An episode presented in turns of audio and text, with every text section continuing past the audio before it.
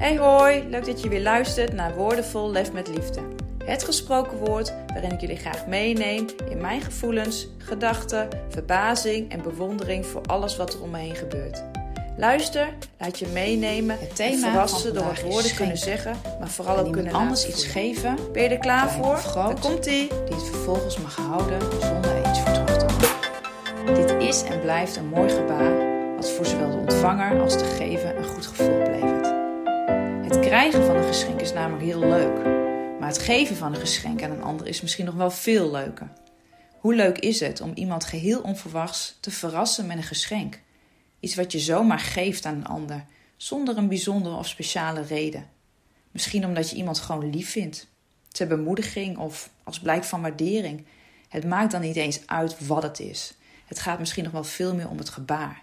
Het feit dat er moeite voor is gedaan. Dat wordt al gewaardeerd. Het gaat er vooral om dat het oprecht is en met goede bedoelingen. Dat is al een geschenk op zich. De editie van vandaag heeft als titel Geschenk.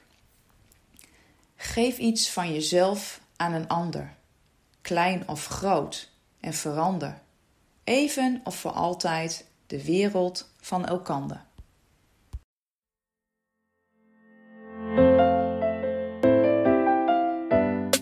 Bedankt voor het luisteren. Mocht je dit interessant hebben gevonden, laat me dit dan vooral weten.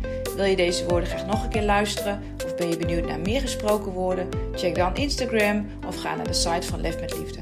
Tot de volgende keer!